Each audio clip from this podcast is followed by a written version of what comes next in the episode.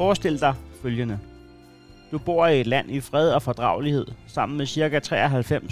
93,9 millioner landsfælder. Pludselig er din nabo blevet dement. Han taler i tårer, Er 100% sikker på, at vi befinder os i 1930, og er simpelthen kommet til at gå i krig imod dit land. Bomberne flyver om ørerne på jer. Mennesker uden skyld må sige farvel til deres nærmeste. Mange bliver dræbt. Det er ikke bare et mareridt, det er en øh, humanitær katastrofe og øh, kognitivt uopretteligt for de involverede parter. Nu er du i den forestilling. Fortæl mig så, hvad har du allermest brug for i hele verden? Er det, at dine nærmeste har det godt? Er det, at krigen slutter? Er det, at nogen kommer jer fysisk til undsætning? Eller kan det fikses med et par rygter på vandrørene om, at et land med en 9. del af jeres indbyggere har arrangeret en open air koncert på en af de helt afgørende felter i Matador-spillet? Ja, okay. Sådan kan man nok ikke helt stille det op. Fordi det er vel uden for enhver rimelig tvivl de tre første bud, man vil gå med i nævnte rækkefølge, før løsningen med en lille ekstra grøn koncert her, hvor vi kun taler primo forår 22. Men betyder det faktum, at de tre første ønsker ikke nødvendigvis kan indfries, at en støttekoncert 21 timer og 19 minutters kørsel fra Kiev er ligegyldig? Nej, det tror jeg faktisk ikke. Jeg har en eller anden idé om, at når lokummet brænder, så er en af de værste ting, jeg kan forestille mig, at alle omkring mig er ligeglade med, hvad jeg bliver udsat for. Jeg tror, at fjernstøtten er med til at bekæmpe modløsheden. Nu ved jeg godt, at vi lever i et land, hvor man ikke kender forskel på en parallel og en sammenligning, og at man derfor ikke kan drage en parallel uden at blive skudt i skoen. Det er måske en lidt uheldig sammenligning. Nej, Twitter. Det var ikke en uheldig sammenligning. Det var en vellykket parallel, Dels fordi du fangede pointen, og dels fordi to veje, der er asfalteret oven på hinanden, ikke er parallelle. Derfor er du nødt til at skifte spor for at opnå parallellen. Det er bare således, at følelsen af at være alene kan være den værste i pressede situationer. Hvis man går alene i mørket og finder tryghed i at tale i telefonen med sin mormor om, hvad der er sket i Spørg Charlie, så er det jo ikke øh, fordi, vores hjerne er gået all in på, at mormor kommer og sætter et cirkelspark ind på en eventuel voldsmand længere fremme på stien. Dels fordi, at mormor er for langt væk, og dels fordi mormor har svoret i Jiu-Jitsu-klubben, at hun ikke bruger det privat. Og det er præcis det, en dansk støttekoncert til Ukraine er lige nu. Deres mormor i røret. Det er ikke nødvendigvis det, der redder dem nu og her. Men det giver måske en lille følelse af, at nogen ved, hvad der foregår. Derfor er det ikke ligegyldigt. Og der slet ikke, når man så lige indsamler historiske 175 stænger, lige til at swipe over til det ukrainske folks heroiske indsats i landet, som lige nu slår igen med en kraft, der ville få selv mormors cirkelspark til at ligne en ansigtsbehandling på Ystad Salsjøbad. Nå, hvad var det så for en oplevelse, der ventede de medfølgende fællesskabshungerne danske tv-seere og koncertgængere? Godt, nu skal du holde tungen lige i holdkæften. Danmarks Radio og TV2 gik sammen for at indsamle til ADRR Danmark, Amnesty International Danmark, Kære Danmark, Caritas Danmark, Dansk Folkehjælp, Dansk Flygtningehjælp, Folkekirkens Nødhjælp, International Media Support, Læger Uden Grænser, Mellemfolkelig Samvirke, Mission Øst, Oxfam, IBIS, Plan Børnefonden, Red Barnet, Røde Kors, SOS Børnebørne, FN's Flygtningeorganisation og UNICEF Danmark, som så ville hjælpe Ukraine akut på hvert sit nødhjælpsfelt. Undervejs i Sammen for Ukraine kunne man så donere, og traditionen tro kunne man følge med i de større donationer i bunden af skærmen. Der kunne man så se, at alt lige fra Ryslinge tagdæknings 10.000 kroner røg i kassen, til Lars Larsens Group svimlende 10 millioner. Det gør sikkert stadig mere nas i tagdækningsfirmaets kvartalregnskab. Godt stille. Der er noget ambivalent ved at skulle fremhæves for en god gerning. Fordi er det så en god gerning? Eller er det en øh, selvforherligende aktion? Det er den klassiske debat. Rigtig velgørenhed, synes jeg, skal ske uden at blive nævnt. For eksempel som da min familie i julen 2021 donerede 10.000 kroner til julehjælpen, uden at vi sagde det nogen steder. Sådan er vi bare. Så donerede vi lige 10.000 kroner, uden at sige det. Det har vi ikke brug for at sige nogen steder. Og hvad så? Vil man så stå på Danmarks to store public service hovedkanaler, tune ind på to folkekære værtsprofiler, med en ab på skulderen, svingende rundt med håndhjulet på en lirkasse, alt imens et kægt sidekick står med en bowlerhat fremme i tiggerposition, for at visualisere ønsket om donationer uden modydelser. Nej, sgu da. Der var lavet et show. Et musikalsk show. Jeg kender vil vil kalde det for en regulær koncert. Arrangementet foregik på den måde, at selve koncerten fandt sted på Rådhuspladsen i København, og så blev den vist på både DR og TV2. Selve koncerten, hvad mener du med det, Heino Hansen? Man har vel bare kunne se den på tv eller live? Altså, når du siger selve koncerten, så får du jo en til at tro, at der også har været et tredje alternativ til at se den. Altså for eksempel et tænkt eksempel, hvor at man kunne have været super bange for ud københavneri på de folkelige kanaler, og derfor har trukket øh, kulturens svar på Gurli Grisplads ind over et åbent benbrud og valgt at lave storskærmsarrangement i de andre top 5 byer, så de kunne stå ude i kulden og se på en fest i København. Men det går jeg altså lige ud fra, at man nok sådan der ærligt ikke har gjort, vel? Ej nu, kan du lige øh, sådan der bekræfte, at de ikke lige sådan der gjorde sådan der? Nej. Det kan jeg desværre kun øh, bekræfte i så tynd en grad, at jeg faktisk må kvittere med en afkræftelse. They did. Oh, they did. Det var nemlig arrangeret således, at der var stillet storskærme op i Aarhus, Aalborg, Odense og Esbjerg. Der kunne de lokale så gå ned og se koncerten på tv fra Rådhuspladsen i København. Ja, jeg skal helt tilbage til, da man viste en EM-kamp på storskærm inde på Sears Park i Aarhus, for at finde noget, der lyder mere underligt. Altså at stå på et fodboldstadion, hvor der ikke er fodbold, for at se en kamp på en skærm, der bliver spillet på et andet stadion. Altså, jeg kan ikke bestemme mig for, om det provokerer mig mest som udøvende scenekunstner, eller som repræsentant for antikøbenhavneriet i Medie Danmark. For som en person, der har videt mit liv til øh, live-kulturen, synes jeg godt nok, man undervurderer, hvad sådan en oplevelse kræver at give videre. Der hele magien i salen, hele magien på plænen i Tivoli, hele magien ved, at ting sker her og nu, og at man kan mærke det i både 2D, 3D, 4D og i særlige tilfælde 5D, hvis man for eksempel sidder forrest til et Torben Chris show og derfor bliver spyttet lige i hovedet. Hvorfor skulle jeg bruge et år på at turnere land og rige rundt 5-6 gange, hvis jeg bare kunne stille mig på Bremen Teater i København Vest, 2 km fra min bopæl, lave showet én gang, og så kunne folk sidde i biografer rundt omkring i hele landet og se showet samtidig. Danmarks tur Don ses næste år. Altså men en person, der ikke er på røven over øh, Københavneriet i Mediedanmark, er heller ikke helt blød i knæene over den løsning. Nu har jeg ikke prøvet at være hverken fynbo, oceaner eller rigtig jøde. Men med et stempel fra kirkekontoret i St. Jørgens Kirke, Sogn, øh, straight out af Næstved Syd på min dubstatest, føler jeg en form for fuldmagt til at udtale mig på det provincielle Danmarks vegne. Når jeg siger, at utrolig få ting pissehammerne rager os mindre i vores røvhul, end at høre om, hvor fedt folk mener, de har det i København. De fleste venner og familiemedlemmer, jeg har i Næstved, vurderer, at den største fordel ved at bo der, er, at man så ikke bor i København så skal I sgu da ikke omdanne vores lokale tog til et vindue direkte ind til hovedstadens larm og stå høj i form af en 400 tommers fladskærm med indbygget subwoofer. Det ville faktisk næsten være mere respektfuldt over for de fire andre byer, bare at lade være med at inddrage dem. Altså, er det fair at vælge Københavns Rådsplads? Ja. Ja, ja, ja, ja, ja, ja. ja. Men så har du valgt København, og så har du valgt ikke Aarhus, og så har du ikke valgt Aalborg, og så har du ikke valgt Odense, og så har du slet ikke valgt Esbjerg. Hvem ejer så meget selvtillid, at man stiller store scener og store skærme op steder, hvor arrangementet ikke engang selv kigger forbi? Der er kun én ting, der er værre end at gå med Københavnerimodellen, og det er, der blærer sig midt over på venstre side af Storbæltsbroen. Det svarer til en date, der melder afbud, mens du sidder ved bordet og venter, fordi hun har fundet en anden date. Men så vælger jeg at sende dig live-opdateringer på sms om, hvor godt den anden date kører. Og så kan vi stille om til vores lille skærm på Heinos iPhone nede på Ølbaren i Elmegade, hvor du netop nu sidder alene og brændt af, Heino. Lad os få en stemningsrapport.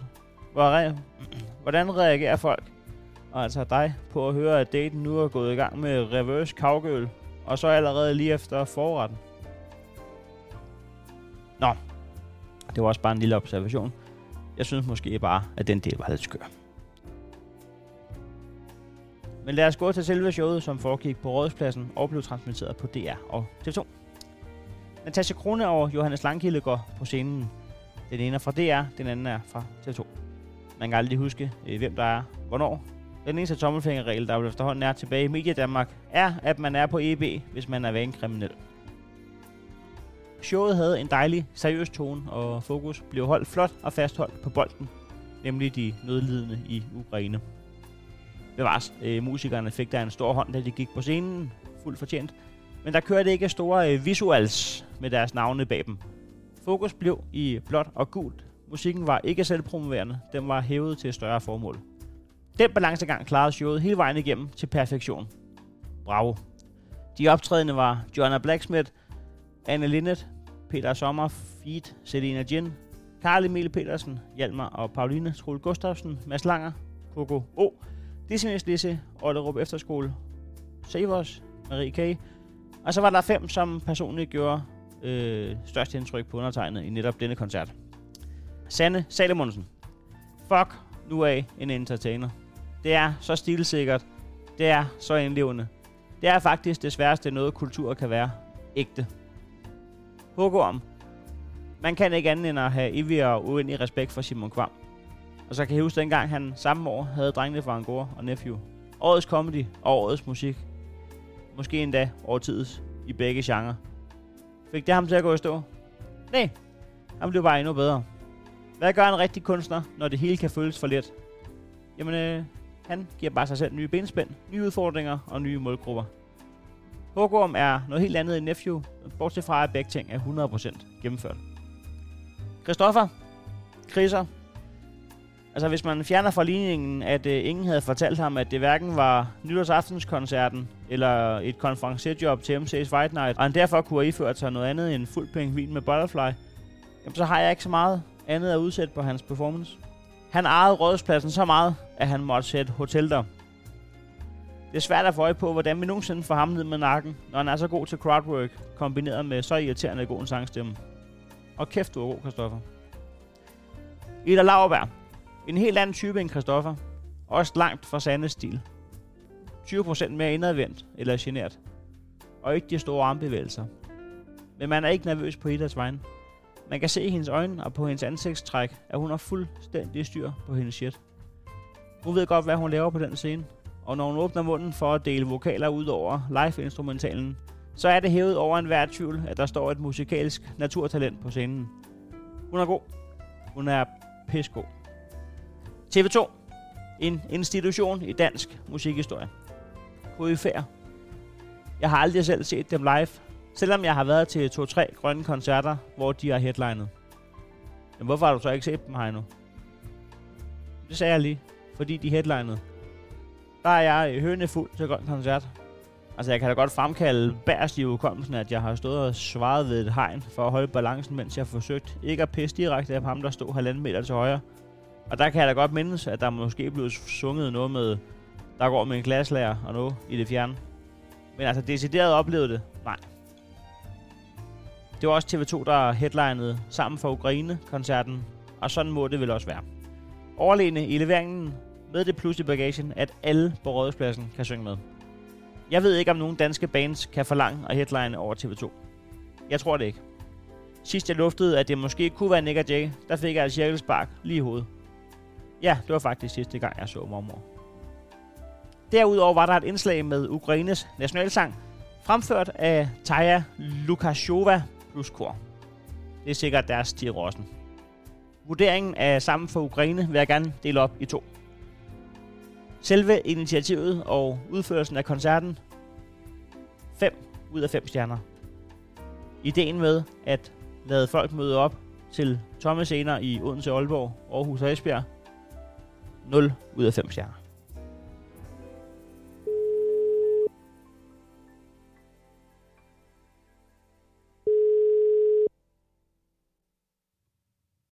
Johannes.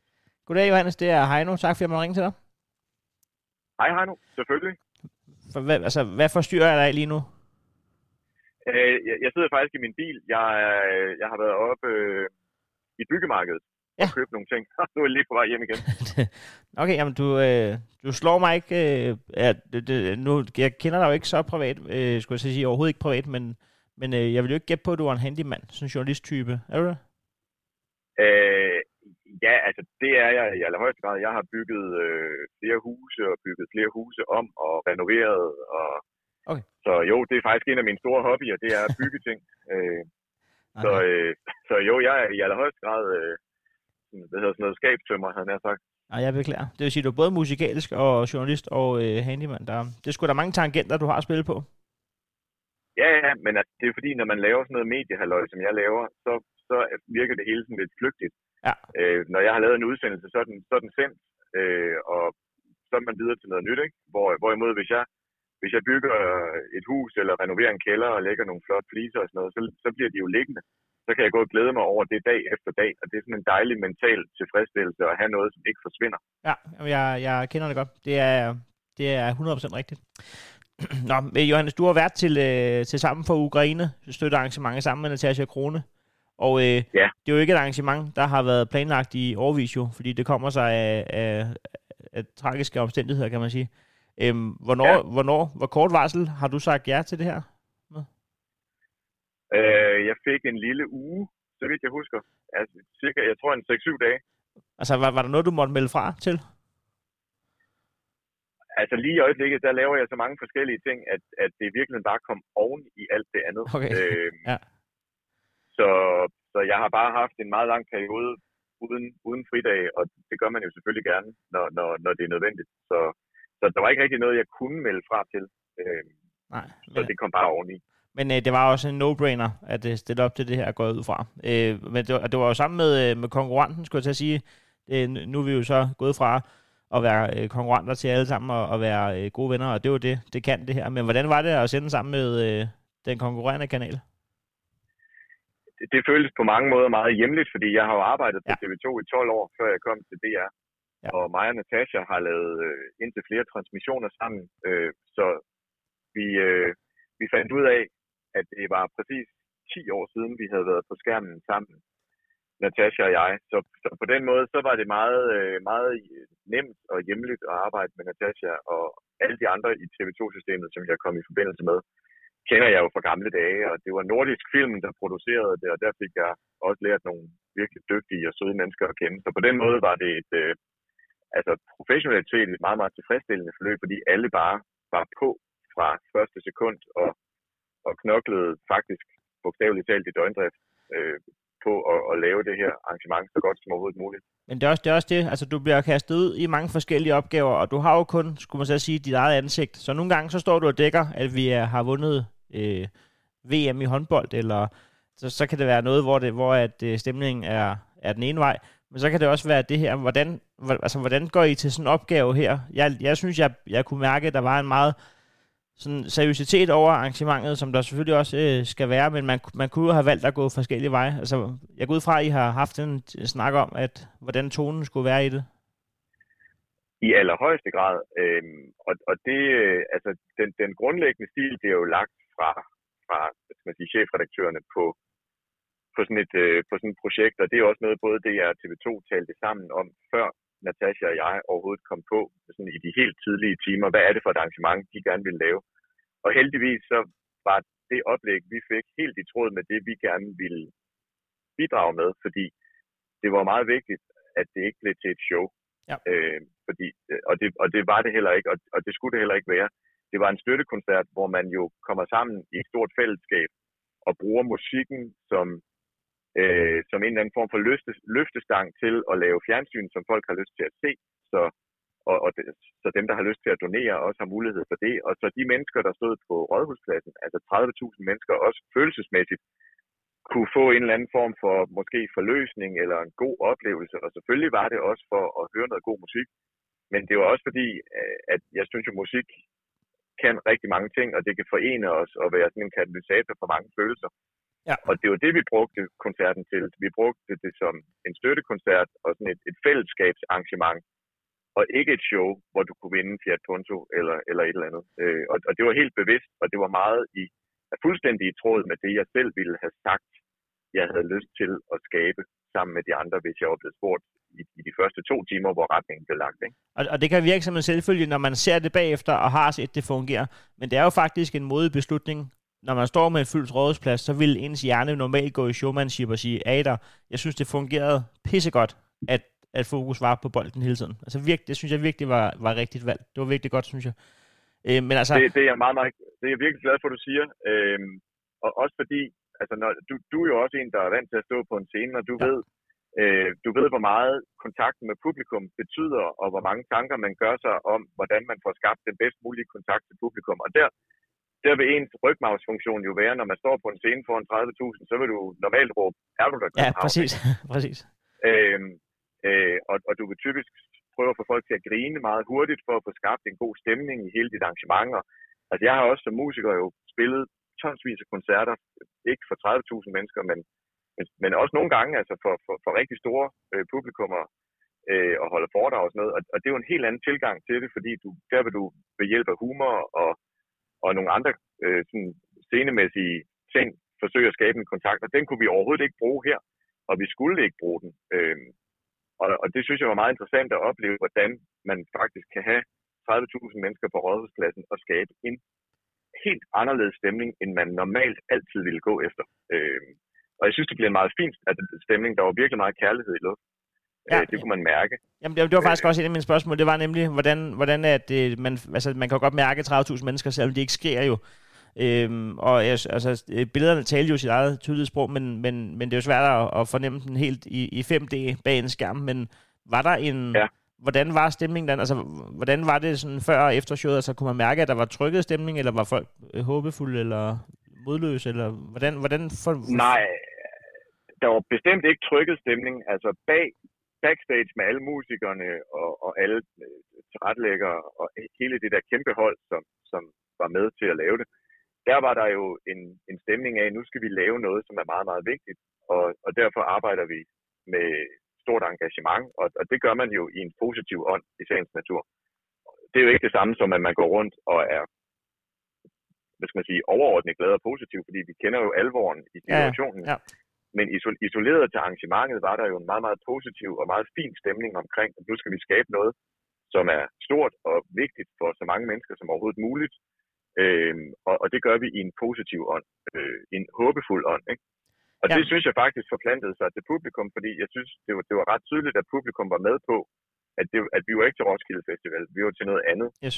Øh, og når vi stiller om til korrespondenterne i, altså Rasmus Tanthold, der står i Kiev øh, i Ukraine, og, og jo på, på, på blændende vis, fordi han er en blændende korrespondent, fortæller, hvordan tingene hænger sammen, og rapporterer om, hvordan folk har det, og man virkelig kan mærke følelserne i, i, i hvad der er på spil. Øh, det vil man jo normalt aldrig gøre på en stor skærm Nej. til en koncert, men, men jeg er så glad for, at jeg synes, det fungerede, og at folk var med på den måde at gøre det hele på. Det er, det er jeg enig i, og jeg skal også øh, tak for din tid. Jeg har et spørgsmål tilbage, Johannes. Så er du fri. Mm. Øhm, ja. Det er, hvor at der er en forstærker, der driller, ved, hvor I skal sætte Dizzy Miss Lizzy på scenen, ikke også? Ja der får jeg jo lidt en, øh, det er fordi, der ligner det et kort sekund, at, at I skal til at beslutte at sætte dem på, selvom I ikke er sikre på, om forstærkeren ikke virker. Og det, og det gav mig flashback til en gang til et firmajob i Svendborg, hvor jeg blev sendt på scenen, selvom arrangøren ikke kunne få mikrofonen til at virke. Øh, altså, var, I, var I ved at sende chippen på scenen, øh, uden at forstærkeren virkede?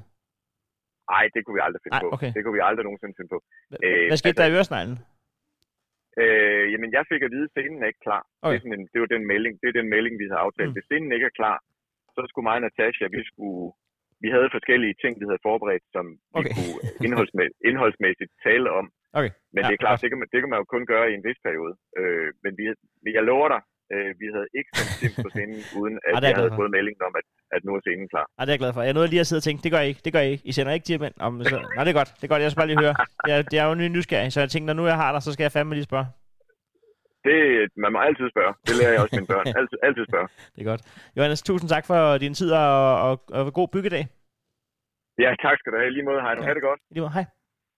Hej. Ja, det var simpelthen øh, Johannes Langkilde, som var øh, vært sammen med Natasha Krone. Sikke en, øh, sikke en start på podcasten, og, og sikke et behageligt øh, øh, mensch, skulle jeg til at sige, øh, menneske. Øh, jeg ved ikke, hvorfor jeg nogle gange slår i tysk. Øh, i, jeg har faktisk snakket, jeg har jo kontor med Jakob Svendsen, øh, min komikerkollega, og vi har begge to lidt samme sygdom, hvor at det kan gøre lidt ondt i komikerbetrækket at sige et helt normalt ord nogle gange.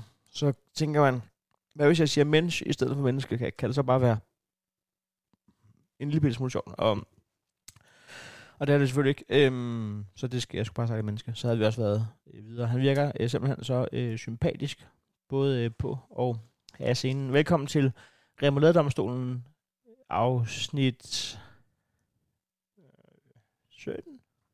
17, vel? Øh, om, om støttekoncerten, der hed Sammen for Ukraine. Jeg, øh, jeg har fået et par forskellige telefonnumre, og jeg tænker faktisk bare at springe direkte ud af det. Jeg, altså, der er både nogen, der skriver, at de ser det på tv, nogen, der har set det på rådspladsen, en, der var på scenen, og så en, der skriver, jeg så ikke showet, jeg følger ikke din podcast, men jeg kan tale norsk. Øh, ring, hvis du vil noget. Det er også et plus 47 nummer. Det ved jeg simpelthen ikke. Og så, øhm, men jeg tænker, skal vi ikke bare prøve, prøve os frem? Nu ringer jeg til S underscore Margård på Instagram, som efter sine skulle have været på scenen sammen med. Hej, du snakker med Stine. Goddag Signe, det er Heino. Hej, Tak for, at jeg må ringe til dig. selvfølgelig da. Er, det, er det korrekt forstået, at du var, øh, du var på scenen hjemme på Rådspladsen sammen med din efterskole? Ja, det var jeg. Den hedder Ollerup Efterskole, ikke? Jo, Og øh, hvor, hvor ligger Ollerup henne? mm, det ligger mm, sådan 8-10 km væk fra Svendborg. Okay, altså jeg går ud fra, at det er, øh, det er ikke er syd, så er det ude i vandet, kan man sige. Ja, okay. Men det er, det er på Sydsyn. Ja, ja, ja, men ja, jeg forstår. Og, øh, og øh, I gjorde det godt. Jo, jeg synes fandme, det var godt indslag, I lavede der. Tusind tak. Hvordan, øh, hvordan følte du, altså, at jeg går ud fra, at det er første gang, du optræder for 30.000 mennesker? ja, det er det. Hvordan, hvordan var Det det? Jamen, det var, det var, det var sådan virkelig surrealistisk. Det var, altså, det var sådan, der var sådan, der var ret mørkt sådan ud omkring publikum, så det var sådan, at det virker sådan helt uvirkeligt, men sådan, jeg, jeg var faktisk, vi var faktisk mere nervøse til generalprøven, fordi der kunne man ligesom sådan se folk. Jamen, Øhm, øh, der- det er også en fejl generalprøve, fordi at det jo foregår på rådspladsen, hvor I ikke kan lukke. Så det er jo en generalprøve foran forbipasserende turister og Ja, folk, det må folk fra Vordingborg, der og snor toget. ja, der stod også lige et par, par hundrede mennesker, da vi skulle synge der. Så det var også nervepirrende. Men øh, altså, kan du huske, øh, hvordan at din øh, knæ havde det, da, da I så skulle ind rigtigt, og, og den var fyldt rådspladsen? Jamen, altså, jeg tror faktisk sådan, at vi, var jo, vi er jo 117, øhm, der skulle op og synge. Så jeg tror, det var sådan, det var op til, der skulle vi sådan stå ude backstage, og det var sådan, det var jo mega koldt, fordi vi havde stået der sådan en halv time og ventet på, at det skulle være os. Ja. Vi var sådan helt stivfrosne, øhm, og så får vi at vide, at vi skal på, og så, ja, så bliver vi sådan helt, ah, og vi skulle altså, dele os op, sådan, så vi kunne komme ind fra hver vores side af scenen. øhm, og så gør vi så det, og sådan, øh, Christoffer han er på før os, så vi står sådan oppe og sådan kan se ham synge, og vi var bare sådan helt, åh, det er Christoffer! og, ej, vi, altså, der var også bare Mads Langer og Sanne Salemonsen gik også bare rundt imellem os, og vi var sådan, wow, det her er det virkelig, virkelig, altså det, det var sådan virkelig, det var virkelig overvældende, men det var sådan, Ej, I huskede vel så lige at få et par selfies og sådan noget, ikke? nej, det, det havde vi faktisk ikke tid til, Nej. og det måtte vi heller ikke. Så det var, det var vi faktisk lidt... Øh, ej, der, jeg tror, der var nogen, der fik taget et billede med Mads Langer. Jeg lige vil sige, nu, øh, nu slår det både Christoffer og Mads Langer mig, så nogen, altså selvom at de har fået at vide, at det skal de ikke, så, så er de så søde, at det gør de, altså hvis man lige spørger. Ja. Øh, øh, Jamen, han jeg- har sagt til mig, ikke- jeg gider ikke mere med dig, Heino. Jeg har fået otte nu. Men han har søgt de første syv gange. Nå. um, um, vi, der var nogen, der fik taget et billede med Mads Langer, men vi kom heller ikke så tæt på dem. Og så, altså, når de så gik forbi os, så havde de ret travlt, så det var sådan, vi kunne ikke rigtig stoppe dem og så sige, hey, kan vi få taget et billede? Så Nej, det var også fair nok. det var lidt øv. Nå, men så skulle I selv på scenen jo. Ja. Og så, sådan, så står Hvor vi står du der, henne i, hvor står du i koret? Jeg er 117 mennesker, siger du? Ja, jeg står, sådan, jeg står næsten på forreste række, faktisk. Ja. Øhm, men jeg står sådan mellem to piger, så sådan, man kan lige se mit hoved på de der optagelser, der er blevet taget. Øhm, men ellers så, så står vi der, og så skal vi sådan stå i vores stemmegrupper. sådan så at pigerne står forrest, og så de piger, der står over i, i det må så være højre side. Ja, højre side, de er, det synger alt, og så venstre side, det er så sopran, og så drengene bagved over i højre side, det er så tenor, og så i venstre side, det er det så bas. Okay. Øhm, så det er sådan, man står sådan med dem, der sådan synger de samme øh, toner som en. Ja, Og klart. så skulle vi så synge det, og så, altså, vi kunne, det lød også, altså for os, eller i hvert fald for mig, der synes jeg, det lød virkelig mærkeligt, fordi sådan, det var jo virkelig højt, og sådan, det gav sådan en genlyd Ja, over ja. fra rådhuset af, så det Ja. var sådan, hver gang vi sang noget, så var der sådan, så gik der to sekunder, og så kunne vi høre det sådan virkelig højt. Så jeg synes virkelig bare, det lød lidt, som om vi var ude af takt hele tiden. Men, ja, der kommer, Men hjer- vi der kommer hjernen altså lige på arbejde, når der er øh, akustik øh, ting. Ja, yes. Det må man sige. Det må man sige. Og det var også, altså, fordi så står vi jo der i vores stemmegruppe, og sådan, man kan godt mærke, at vi giver alle sammen lige 10 procent mere, Ja. øhm, når vi står der for, på live-tv, ikke også? Så sådan, man kan bare virkelig bare høre de der drenge, der bare scroller med om bagved, og, og dem, man står ved siden af. Men, men det var, altså, det var virkelig, virkelig fedt. Det var det virkelig. Hvad synes du var mest nervepirrende?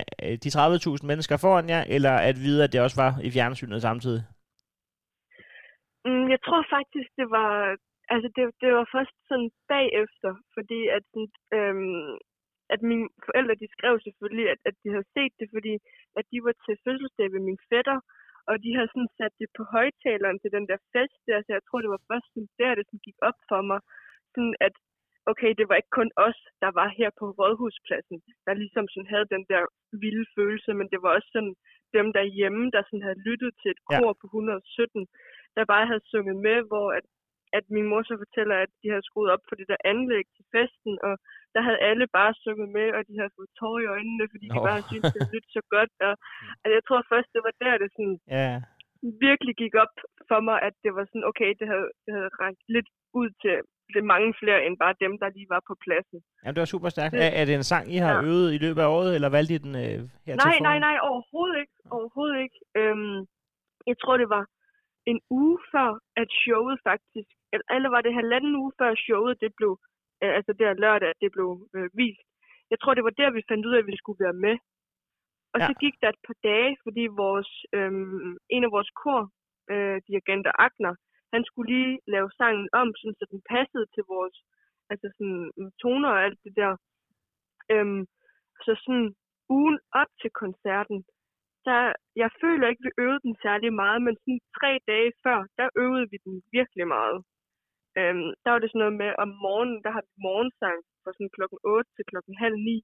Der sang vi den, altså onsdag og torsdag og fredag, der var det kun den, vi sang om der, den Ja, der halve time. Ja, ja. Og så om torsdagen, der har vi også sådan noget kor, øhm, kor i to timer, der sang vi også nærmest kun den sang, og om fredagen, der havde vi også noget, der har vi sådan noget fællessang, hvor vi plejer at synge sange for højskolesangbogen. Det havde vi også skiftet ud, så det kun var den sang, vi sang. Og så sang vi lidt længere tid, og så om aftenen om fredagen, der blev vi nødt til at synge den igen, for at han sådan kunne have ro i maven med den, fordi at det var sådan to dage før, vi fandt ud af, at den skulle gå i et hurtigere tempo, end hvad vi havde i. Så det var sådan, Ja. ej, det var, det var, der var lidt pres på der fredag aften. Ja, det kan jeg der godt var bare, og, der var, og der var nogle af os, der stod med vores telefoner, fordi vi ikke helt kunne teksten, og ej, det var, det var sgu lidt kaos. Altså men, li- lige meget, hvor- velforberedt man er. Når først, at, øh, at det store slag skal slås, så kan man altid blive i tvivl. Lige i sidste øjeblik, Ja, om noget ja, og det, og kan det er huskes, lige eller er det. sjovt, eller godt, eller hvad fanden det er. Ja, um, det var... Så, så vi øvede virkelig meget der fredag, fordi det skulle bare, altså vi skulle bare have ro i maven med det, fordi ellers er det jo, altså er det jo ikke sjovt at skulle gøre sådan noget. Nej. Nej, men det, Men vi det, fik ro i maven. Det er godt. Jeg, jeg, jeg synes fandme, at det er dejligt at høre om, og, jeg, og, øh, og også, at det var en god oplevelse for jer, fordi det, var også en god oplevelse, I gav rigtig mange andre mennesker. Så øh, det synes jeg skulle være sejt. Hvad, Tusind tak. og så altså, har du så fået nogle altså, beskeder ud over familien? Var der nogen, der har skrevet, at... Øh, Mm, altså ikke sådan decideret til mig, men Nej. sådan, altså, øhm, vi har fået sådan nogle øhm, beskeder sådan løbende sådan hele efterskolen. skolen? Ja. Ja, øhm, hvor der er blandt andet et, øh, et kor fra Aarhus med sådan nogle ældre mennesker, der har skrevet, øh, hvor at den, det yngste medlem, hun var vist, jeg tror det var 73, og den ældste, hun var 100 eller sådan et eller andet. og, og de, havde, så de var blevet så rørt over den sang, så de ville spørge, om, om, de ikke, om vi ikke kunne altså sådan, sende den der sådan, korarrangement op til Ja, ja. dem, fordi at de ville selv så gerne lære den sang. Så det var vi også bare sådan totalt rørt over, at Kæft, det også fedt. Altså, gik ud til sådan, Ja, de ældre, der ligesom også altså, kan lide at synge. Øhm, men så har vi også fået en anmeldelse fra GAFFA, ja. hvor vi var også bare sådan helt, wow, Hvad skrev det de? er fandme vildt. Altså, jamen, de skrev sådan noget med, at, øhm, at selvfølgelig de to solister, Jonathan og Silje, at de bare gjorde det mega godt. Øhm, og at i helhed, at vi bare altså havde taget hjerterne ved, ved den der støttekoncert med, at vi sang så godt og harmonisk sammen. Altså, og ej, det var, vi var bare så, så glade for den der, den der anmeldelse, fordi det var bare, altså, det var bare så overvældende. ja. Jamen, det kan Så jeg der, godt var- der, var bare ikke, der var bare ikke noget altså, dårligt overhovedet. Det var bare ros det hele. Ja, det, det skal det også være. Jeg, jeg, øh, jeg vil også øh, rose dig for, at, øh, at det var rart at høre, hvor meget, altså, hvor, hvor stor en oplevelse det har øh, været. Og øh, det synes jeg, I har, I har fortjent, og jeg har haft en god oplevelse. Så tak, fordi jeg måtte ringe til dig. Tak. Og vil du så ikke, øh, vil du ikke hilse ned på Ollerup Skal jeg nok, selvfølgelig. til alle sammen? Gå rundt enkeltvis til alle de 116 andre. jo, selvfølgelig da. Så må du have en god dag med det. Jo, tak. Jo, tak. Ja, men øh, tak fordi jeg måtte ringe. Hej. Hej. Se, det er sådan noget der. Det er sådan noget der, ikke? Altså, øh, altså man kunne, hun var jo stadigvæk høj på oplevelsen. Det kunne man høre, i, altså, når, hun skulle, når hun skulle forklare om det. Der er, øh, det, det, det, det, det der. Altså, øh, jeg, jeg, jeg har stadig en eller anden idé om, og, og det kan ikke helt sammenlignes, fordi der var jeg jo trods alt, altså for helvede, øh, 25 eller sådan noget, ikke? Øh, og, og de er jo øh, 10 år yngre end dem måske. Og, øh, men jeg, jeg, altså, til trods for det, jeg kan da stadig huske, første gang jeg var vært på øh, The Voice-koncerten inde på plænen, hvor der var 25.000, så det vil sige færre end 100 optrådt for. Bare det med at gå ind og sige velkommen til øh, The Voice 10. Øh, bare den sætning, og så to andre sætninger, som var koordineret, var- jeg var, jeg var fuldstændig altså shaky, og det var trods alt med, med halvanden års stand-up erfaring i bagagen. Så det der med lige at gå ind og skulle præstere en, ja, en, en, en, en sang, man har øvet i halvanden uge for, øh, for hele Danmark, det synes jeg æderrømme er sejt. Og øh, ja, med det der går på mod, så skal det altså nok gå, det er jeg sikker på. Skal vi ikke prøve en gang at høre fra, fra en, der, der var på Rådhuspladsen? Det er et lidt, lidt mærkeligt øh, navn, måske. Og det ved jeg godt, det må man ikke sige om andre Heino, og de har et mærkeligt navn. Og slet ikke, når man hedder Heino, de er store. Altså, men så inden du kommer for godt i gang med lige at svine mig til, så vil jeg lige sige, at det er fordi, at det eneste navn, jeg har på vedkommende her, det er cementbord.dk. Så tror jeg nok lige, man godt må synes, folks navn er mærkeligt. Ikke? Så jeg tror nok lige, du kunne fortryde alt det, du skulle til at kalde mig. Når det bare var det, jeg havde at sige. Det er Søren. Goddag, er det cementbord.dk?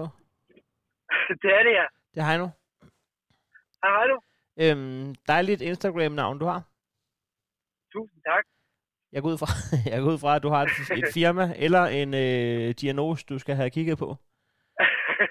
jeg har et firma. Du har et firma. Cementbord, så det er jo ja. Vi laver sådan nogle, øh, vi laver sådan nogle øh, cementbord i alle mål og med farver og sådan noget. Ja, jeg tror, det jeg, tror, de, fleste, jeg tror de, de fleste af os havde nok gættet, hvad, hvad jeres portefølje bestod af. Så det, det er godt. men, men, men, men altså, men cementbord, altså, øh, ja, hvor, hvor, altså, Ja. lige meget hvor stort man har brug for, altså, kan, kan du lave det, altså, hvis man, hvis man siger, at jeg skal holde nadvar i aften for 12 af mine venner, kan, kan du så lave det 20 meter langt? Øh, ja. Det, det kan vi i princippet godt. Okay. Men øh, det, det, det, altså, det, men det, det vil selvfølgelig også være, det, det kræver selvfølgelig også, at det bliver noget af en, konstruktion, så det bliver, en- det bliver en dyr omgang. Ja. Det vil det blive. Det vil det blive. Så er det heldigt, man Ja, er det vil pissefri. det. Men, Det- øhm, men, men det går godt i cementbord.dk. øh, det er faktisk lige startet for sådan to uger siden. Nå, for helvede. Og, øh, Så, og det var ledig. Og... det øh, ja, Mm. ja, fuldstændig. Har I nogen Så konkurrenter? jeg har øh, jeg er et, et, et, et enkelt konkurrent, der ikke øh, sådan, de har, de har ikke, øh, du kan ikke gå ind på deres side og købe brugerne. Nej. Øh, så man kan skrive til dem, hvis det er noget, man vil ønske, men, men, men vi kan, man kan gå ind på vores side og købe dem direkte. Ja, okay. Ja. Ja, der, der- der melder I jer lidt med ind i nutiden. ja. Men altså, men to uger, har I fået jeres første ordre i bogen? Øh, ja, vi har, vi har solgt tre borde. Okay. Hvad for nogle af bestsellerne indtil videre? Øh, vi har, det har været øh, helt sikkert, øh, vi har solgt øh, hvad hedder det, spisebord og et sofabord i sådan en mørkegrå farve. Og Ja. så har vi solgt sådan et bord i en base, så jeg vil sige, at det, mør- det mørkebror har været helt sikkert bedst bestseller lige nu. Ud af tre. Men, men, men, men, øh, men, men, men, men til os, der, der, der ikke har gjort, skænket den tanke, om man kunne skifte sit uh, trapåd med et cement. Altså, hvad, hvad, hvad gør det at have et cement? Altså, hvad, hvad er fordelen? Udover det, at man får det jo ikke, når man flytter. Øh, Fordelen ved det, det er, at øh, man, man, man får det, hvad hedder det, man, det, er nemt, det er nemt at rengøre det. Øh, det kræver ikke sådan øh, nogen ved- vedligeholdelse. Øh, så, så når det er, hvis man spilder på det, eller man et eller andet, så kan man altid, så kan man tørre det af, uden at man behøver at have en du på. Ja, der tror jeg faktisk, Øhm. du, øh, der tror jeg faktisk, du har ret mange interesser lige der. Øh, så Ja, det- ja, det øh, kunne godt. Ja, det er med at slippe for at gøre det rent. Ja, ja, men, men det, behøver, altså, det kræver i hvert fald ikke noget, fordi at det, det, er, vi bruger sådan en, en, en vi, vi har sådan en topcoat i toppen, som der lukker, lukker det af. Så det, har, det er egentlig en du i sig selv. Så, så, så det er vanvittigt nemt at, at- tørre af. Ja, jeg sidder lige på kan jeres hjemmeside. det. Det er meget flot. Tusind tak. Øh, ja, okay. Så et cement spisebord. Og, ja, okay. Og så et rundt øh, sofabord med i 70 øh, cm radius. Yep. Præcis. Nej, ikke radius, øh, diameter. Og så... Øh, Det, nå ja. ja, det, er- det er det der ø der. Men jeg, jeg dumpede matematik. Det var en af grunden til, at jeg øh, måtte, måtte springe fra på handelsskolen. Det var, det var, øh, det skal du sgu ikke være ked af det, Heinz, for det gjorde jeg sgu også selv. jamen, det var det. Jamen, det kan jeg godt forstå, at folk gider det her. Og øh, hvor meget vejer sådan et, øh, et spisebord, det er til 10.000? Øh, det vejer nok omkring en 70-80 kilo. Yes, check. Ja, men... Øh, man er to mand, så kan man godt løfte det. Altså, så, så er det okay, men, men altså, altså, alene, der vil jeg fraråde det. Men om, om et par år, når der er så mange mennesker, der har et cementbord, at det bliver til en episode, hvor vi skal anmelde øh, cementbord, må jeg så ringe til dig igen? Altså, Det altså, kan jeg love dig for. og så kan vi lige Det snakke om, øh, om, så kan vi lige snakke om koncert i stedet for nu, fordi er det rigtigt forstået, at, er det rigtigt forstået, at du var på, øh, du var på rådspladsen sammen med kæresten? Det var jeg nemlig, ja. Hvad hedder Det kæresten? var vi. Øh, hun hedder Stina. Stina? Du har jo øh, firma i Odense, Al- altså var I taget hele vejen? Øh, ja, det var vi. Hun havde, jeg har givet en, øh, hvad hedder det, en tur til København i fødselsdagsgave. Okay. Vi bor i, øh, i Odense. Ja. Og så øh, var vi på øh, hotel i København, og, og så var vi over at se det. Nå, hvor hyggeligt. Det var egentlig planlagt, at vi skulle derind, men øh, det var der så lige pludselig, da vi kom derover. ja, øh, nå, men det er meget, meget hyggeligt at tage sådan en indrigs øh, storbys, kan man sige. Ja. Hvordan, øh, hvordan var din oplevelse, eller jeres oplevelse der- dernede? Altså, var I nogle af de første, der kom, eller de sidste, der kom? Der Øh, nej, vi kom sådan lige inden det startede. Sådan to minutter inden det startede. Og det startede kl. 20, ikke? Øh, jo, Havde, eller nej, nej, hallo, nemt Hal- havde vi ja. det ikke? ja. havde I været ude at Ja, spise det inden, eller hvad? Øh, ja, vi havde været ude at spise, vi havde ude at spise inden, og så kom vi lige direkte derfra. Hvor var I hen at spise? Øh, en restaurant, der hedder Eros. Øh, vi har købt det inde på sådan en deal. Eros. Øh, Nå, den der oppe i, øh, den græske oppe ved Nørreport, den der i Ja. Fjolstræd. Ja, yes, yes. Ja, check. Op på første sal. Øh, ja, lige Ja. præcis. Ja, var det god? Øh, ja, den var sgu, øh, det var sgu egentlig udmærket. Men det er en buffet, ikke? Øh, nej, det var sådan noget a la carte. Det, det er la carte, okay. Ja. Ja. Du rører, du, altså, hvad hedder det, øhm, du rører meget ind og ud lige Gør det? Er du i headset? Ja, det er. Skal jeg ændre et eller andet? Ja, altså hvis du kører bil, skal du ikke ændre noget, så er det jo så er det livsfarligt. Hvis du ikke... Jeg har, jeg har lige holdt den til siden. Jeg kan lige, øh, Okay. jeg kan lige hurtigt lige smide det af her, lige to sekunder. Jeg ved ikke, hvorfor headset, altså jeg ved ikke. Det, jeg kan også huske det fra, da jeg lavede radio, der skulle man også hele tiden bede folk om det der. Jeg, jeg ville jo mener, at vi var kommet så langt nu, at headset var lige så godt som en almindelig. Kom. Det, jeg har ikke, det var jeg ikke lige, men det, det kunne jeg godt forestille mig. Det, det. Der er også nogle gange folk, de siger, at det er ikke det bedste, det der.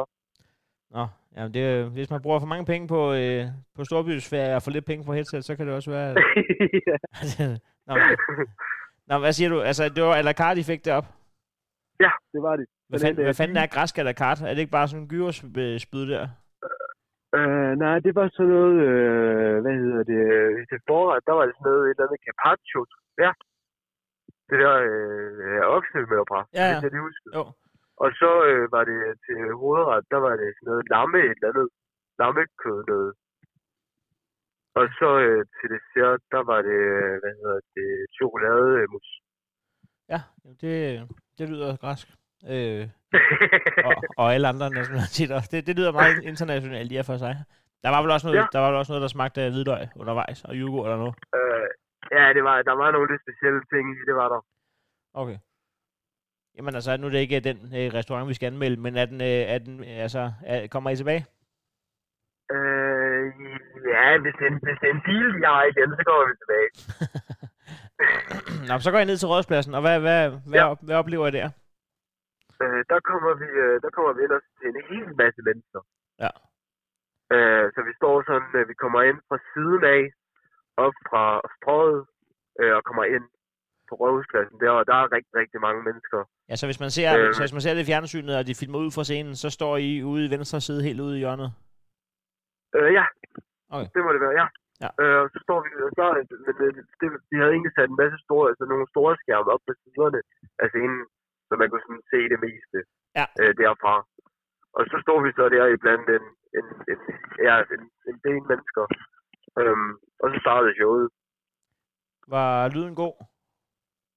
Øh, ja, øh, den skiftede sådan lidt ved, ved, den, ved, ved nogen, der var, den, der var den meget høj, og ved nogle andre, der var den sådan almindelig. Ja. Jamen, det er, der er nogle musikere, der har en idé om, at, øh, at højt er godt. Ja, det er helt sikkert. Det tror jeg. Der var de der håbord, det har de den i hvert fald gas. Ja, ja, men han... Øh, jamen, altså jeg, synes, altså, jeg så det jo på tv. Jeg så det lidt på stor skærm i Aalborg, og så så jeg det øh, imellem mine to shows, og så så jeg øh, lidt på tv. Og jeg synes, Hågorm Ja. gjorde det godt. Øh, hvem havde du som Ja. favoritter? Øh, det var nok hugorm. Okay. Det vil jeg sige. Det, er, det, var- det var, øh, jeg synes, de er, de er dygtige. Ja, han er, de, er, de, de vil... Og han er, han er en legende, må man sige. Ja, det er han, det er han, det er han. Det må man bare øh, erkende. Altså, altså, jeg havde, Ja. synes også, at TV2 havde jeg, og så havde jeg øh, Christoffer ja. og Ida Lauberg, og så havde jeg en til, som jeg ikke kan huske lige nu. Men jeg havde lige siddet og sagt dem i øh, introen. Men øh, det, var, det, var, ja, det var også en, generelt en god koncert, det må jeg sige. Altså, de, øh, de, gjorde, det, de gjorde det sgu godt, alle sammen.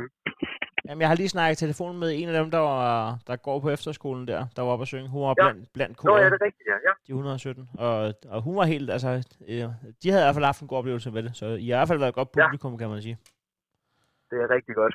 Hvad, hvad, altså, hvordan var, fordi at det var et meget sådan seriøst tema, og øh, værterne tog det meget seriøst, og, og stemningen omkring Ja. det var meget seriøst. Hvordan, altså, følte man, at man kunne stå og synge med, eller hvordan var stemningen ude blandt publikum?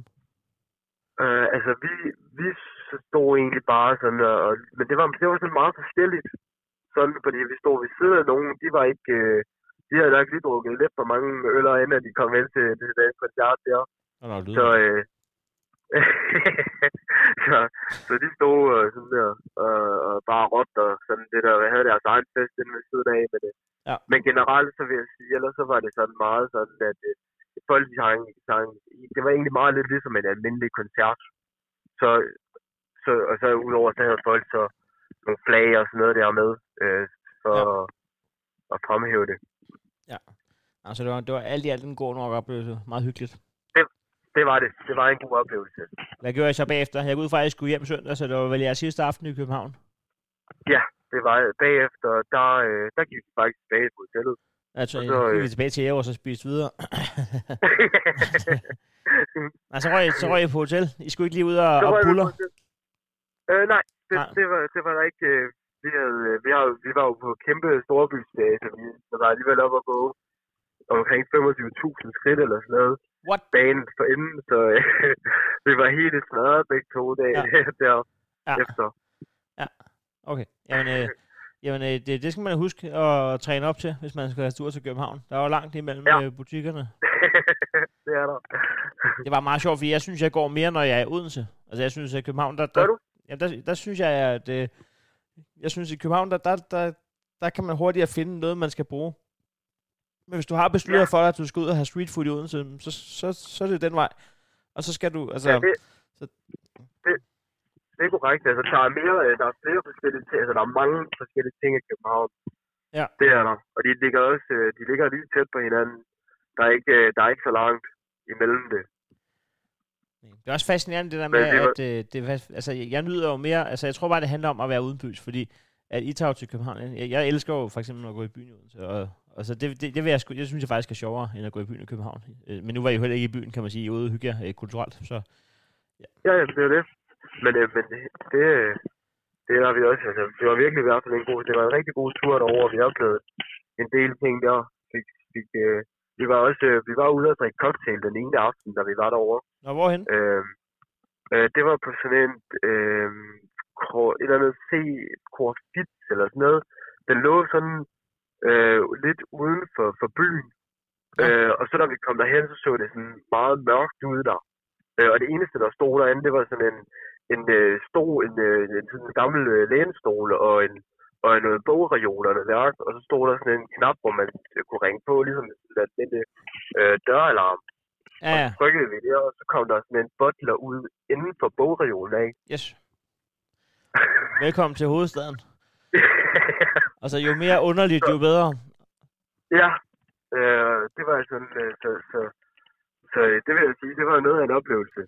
Jamen, det er, der, altså, det, nu er vi jo begge to øh, virksomhedsejere, øh, så vi ved, hvordan det er at have et CVR-nummer, men, men der er altså nogen, der har gjort det på en speciel måde i København. Der er også folk, der har en af de dyreste adresser i Store Kongensgade på vej op mod øh, Kongens Nytorv, og så har valgt Ja. at bruge øh, 80 kvadratmeter butik på at hænge et billede på 40 gange 40 cm op bærst i lokalet, øh, for ligesom at sige, det er min, øh, det er min udstilling.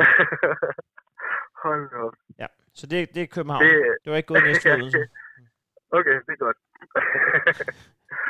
Så øh, jeg vil sige, at hvis, øh, hvis man finder en cocktailbar uden, øh, uden øh, drinkskort, og uden øh, et skilt ude foran, og uden et navn, og øh, hvor man skal kunne øh, koden til dørtelefonen, så har man valgt fuldstændig rigtigt, fordi så er man en, et rigtigt menneske, øh, som er med i klubben.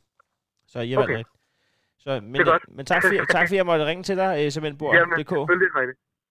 Tak for det, og selv tak. Det var en fornøjelse. Og øh, og har vi en aftale om, at når vi skal anmelde cementbord, så ringer jeg til dig igen. Ringer du med det samme? Det vil jeg, det vil jeg love. Det er skide godt. Ha' det godt. Hej. Hej. Den sidste, jeg vil ringe til, det er Simone. Øh, da jeg efterlyser øh, nogen, der har set koncerten, der, øh, der skriver Simone, det har hun faktisk ikke. Og det kan jo lyde fuldstændig uinteressant lige i den her sammenhæng. Men der skriver hun samtidig, men det vil, vil jeg faktisk gerne sætte mig ned og gøre, øh, og så komme med en dugfrisk anmeldelse. Så nu vil jeg ringe til Simone, som i anledning af at skulle give en, en anmeldelse til Remouladedomstolen, har sat sig ned og set det her program. En tirsdag aften i sit liv. Hej Simone, det er Heino. Ja, hej. Tak fordi jeg måtte ringe til dig. Ja, selvfølgelig.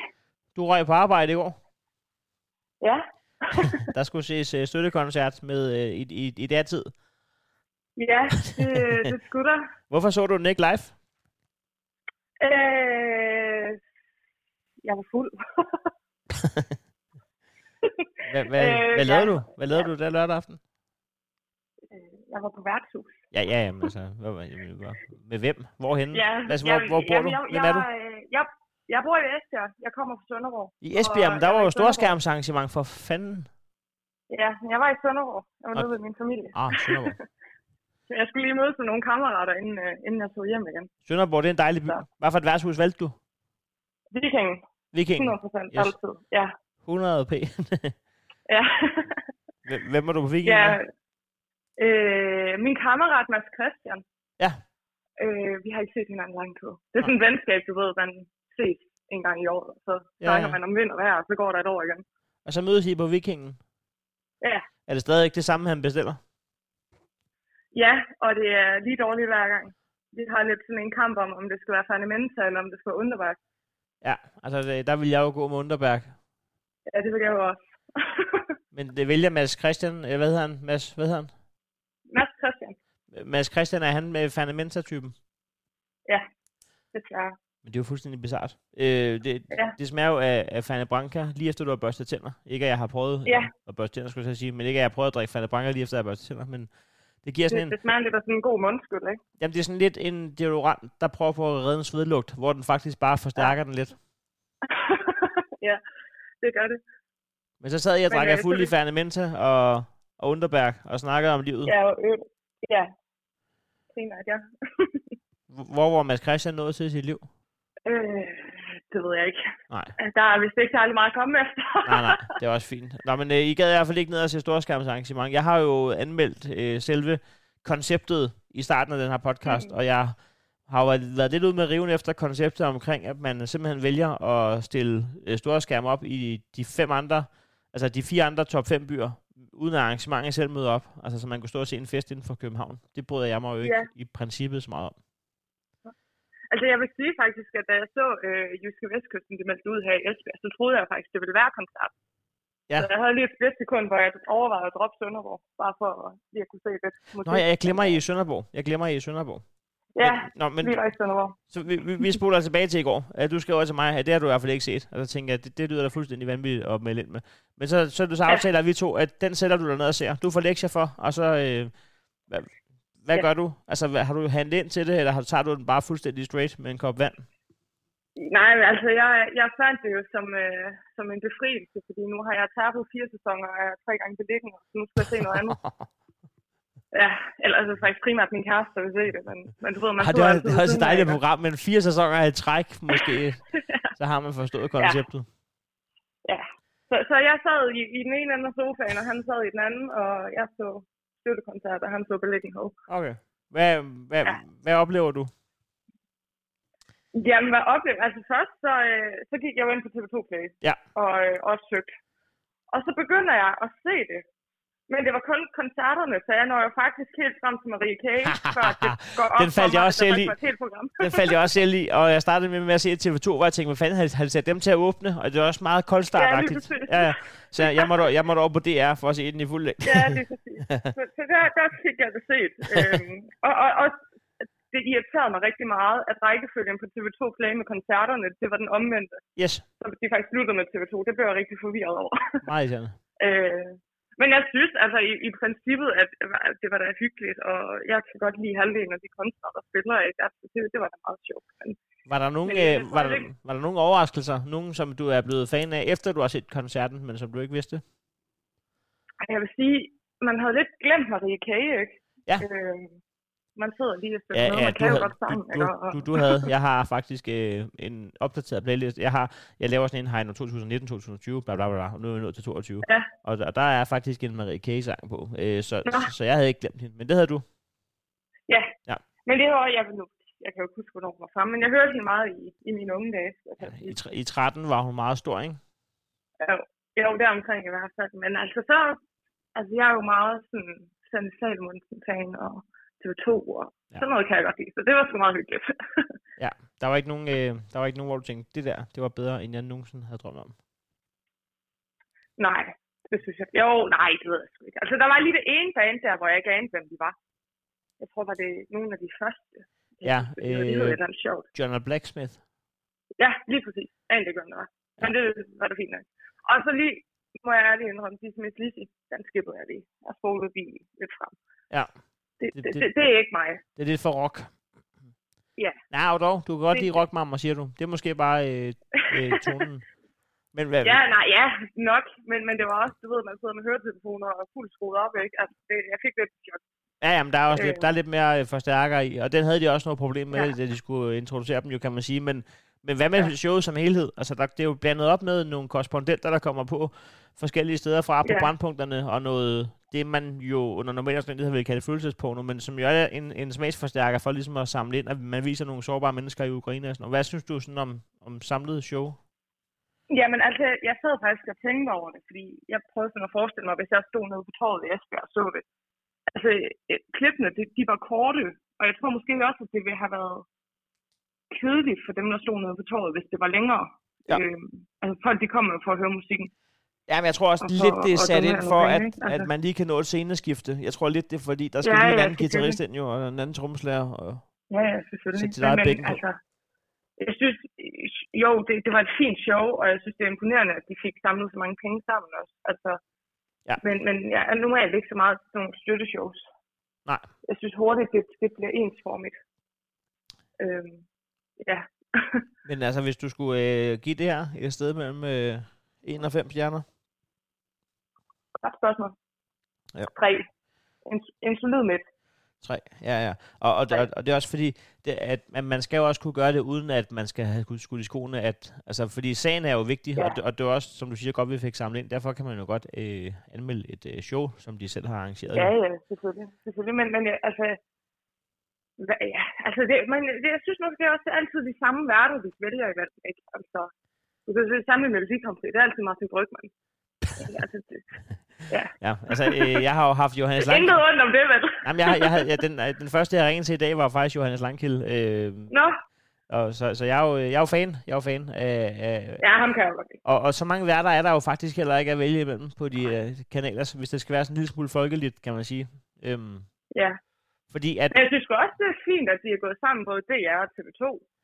ja, det er nemlig det er meget fedt. Det, og, så det, er det der, kan man tage det. og så er der det at sige til det, at, at øh, det som Natasha Kroner Langkild kan, tror jeg, det er, at, øh, at det, det skal både være folkeligt og, og, og genkendeligt, samtidig med, at det ikke skal være pjattet. Så du kan, du kan ikke sætte mig eller Christian Dein til sådan en der. fordi, nej, nej, fordi at, at, at, at, at det skal have en eller anden vis seriøs tone, men, men ja. de har stadig, de har stadig øh, øh, den der øh, spiselige måde at levere det på. Jeg tror faktisk, det er meget velvalgt. Ja, det er voksne mennesker, er det det, du siger? Ja, det er det. ja. Nå, det var sgu Ja. pænt af dig, du gad at øh, lave lektier, og selvom, også selvom det viser sig, at det måske bare var, fordi du gad at se mere beliggenhed beliggenhed. Er det fordi, vi er at flytte? Nej, Nej. Øh, ja, det var faktisk, fordi vi, vi kan aldrig finde ud af, hvad vi begge to vil se, så, Nej. når vi sådan sidder og spiser aftensmad. Så nu tog han den og sagde beliggenhed. Må jeg Og jeg komme, tror, vi har set det i halvanden uge eller et eller andet. må jeg komme med et godt tip til, hvordan du genfinder kærligheden til øh, øh, tre gange beliggenhed? Ja. Du skal sætte dig ned, og så skal du se et afsnit eller to af den svenske tre gange beliggenhed. Det gjorde jeg, da jeg var på øh, Salsjø, øh, hvad hedder det, Ystad Salsjøbad. Der så jeg et par øh, afsnit, og, og der er ikke noget, der rager en mindre end et program, der handler om beliggenheden i nogle områder, man ikke kender til. Så man kan ikke forholde sig til noget Okay. som helst. Og så sidder man og savner, kunne det for helvede ikke have været fra Nordjylland eller sådan noget. Og så får man lyst til at se det Ja, igen. ja. Nå, okay, jamen det vil jeg da prøve. Ja, Lige jamen, YouTube. Så. jamen, jeg er glad for, jeg er glad for, at jeg kan berige dig med at sætte dig ned og se det, noget fjernsyn. Jo, tak. Tak fordi jeg måtte ringe til dig, og øh, hils hjemme. Jamen, så tak. Jo, det gør jeg. Hej. Hej. Nå, jamen tak til Simone for at have lavet lektier, og øh, kunne anmelde for os alle sammen, hvordan det var at opleve fjernsynet, øh, især i datid og fuldt koncentreret. Det blev øh, Remoladedomstolen episode 17 om øh, Sammen for Ukraine. Jeg, øh, jeg tænker faktisk, at øh, den her gang, i stedet for at gøre opmærksom på, hvor man kan samle ind til øh, Remoladedomstolen, så øh, hvis man har en øh, 50'er løs i lommen, så, øh, så synes jeg faktisk, at man skal støtte op om, øh, om de nødhjælpsorganisationer, der hjælper til Ukraine i den her omgang. Det tror jeg måske er lidt mere øh, ja, presserende end, øh, end præcis, hvor, hvor meget at det her podcast løber rundt. Så, øh, så gør det, så, øh, så kan jeg ikke forlange sindssygt meget mere. Jeg, jeg er bare glad for, at jeg må ringe til jer. Jeg synes, det er super hyggeligt. Og øh, ja, så tænker jeg, at øh, vi springer næste uge over, fordi der har jeg øh, show i Operan om øh, onsdagen, hvor jeg optager mit show. Så næste uge kommer til at gå lidt med, øh, med fuld fokus på det. Så øh, der går lige 14 dage, før du igen kan øh, nyde et stykke med Revnederdomstolen. Og ellers så, ja, der er, jeg har ikke mere at sige. Det, det, det er nu, jeg skulle have stoppet. Øh, hvor man altid prøver på lige at, at komme med på, på et godt citat. Eller det er måske ens komiker, Jan, der gerne vil slutte på et godt grin. Det har jeg ikke. Øhm, så kan vi sgu i stedet for at slutte på et godt grin, så kan vi slutte på noget øh, fakta. Ja. så kan det være, at der kommer også noget afslutningsmusik. Det er 8. gang, at der bliver lavet et ekstraordinært indsamlingsshow. Første gang var i 85 under navnet Rock for Afrika, hvor støttesangen Afrika blev til. Det var den der Afrika, Afrika, det bliver bedre dag for dag. Hvis vi giver en hånd til Hey, det er den der, hvor, at, øh, hvor der i starten bliver sunget det, det land, som, øh, som alle børn kender. Og så bliver folk øh, skidsure over, at øh, Afrika er ikke et land, men de har ikke fattet, at det er en sang til børn, så det er en sød måde, at, at børn tror, det er et land, men det er det ikke. Så det er et land, som alle børn kender. Det er skide irriterende, at folk ikke fatter, at det er med vilje. Det kan jeg blive sindssygt op i hovedet om. Øhm, desuden så kan jeg huske, at jeg arbejdede i Føtex Friheden, hvor vi havde en øh, brødpakker fra øh, øh, Ghana, Steven. Og, øh, Udover at han havde, altså han, han brød sig ikke så meget om frysrummet, fordi han havde ikke boet i Danmark så længe, og det var simpelthen minus 18 grader inde. Så det, det var lidt svært at få ham til at pakke de der. Øh, så nogle gange så stod han derinde i fire jakker. Øh, dejligt, dejligt menneske, men der kan huske det julefrosten. Og, og, og, det var en anden tid jo, kan man sige. men der, der bliver der simpelthen spillet øh, Afrika, støtte sangen, og så står Steven ude på midten af gulvet, og øh, laver sådan noget øh, Praise the Lord-agtig dans. Og så står vi alle sammen rundt og bare klapper. Jeg ved ikke, om det var gået i dag. Jeg følte, det var smukt, da vi gjorde det, men jeg er fuldstændig rundtosset. Nå, tilbage. Herefter blev der indsamlet til offerne for krigen i henholdsvis Kosovo og Irak, tsunamien i Syd, Østasien, jordskældet i Haiti, hunger, snødsoffer i, på Afrikas horn, borgerkrigshavet i Syrien og nu altså Ukraine. Indsamlingsshowet på Rådspladsen i lørdags formåede at indsamle historiske 175 millioner kroner. Stig Fogh, som er projektleder for Danmarks Indsamling og indsamlingsansvarlig under støttekoncerten sammen for Ukraine, fortæller til Ritzau, at den samlede indsamling i Danmark ligger mellem 900 millioner og 1 milliard kroner, hvilket er fuldstændig uset i dansk kontekst. Bravo Danmark, vi ses i næste episode.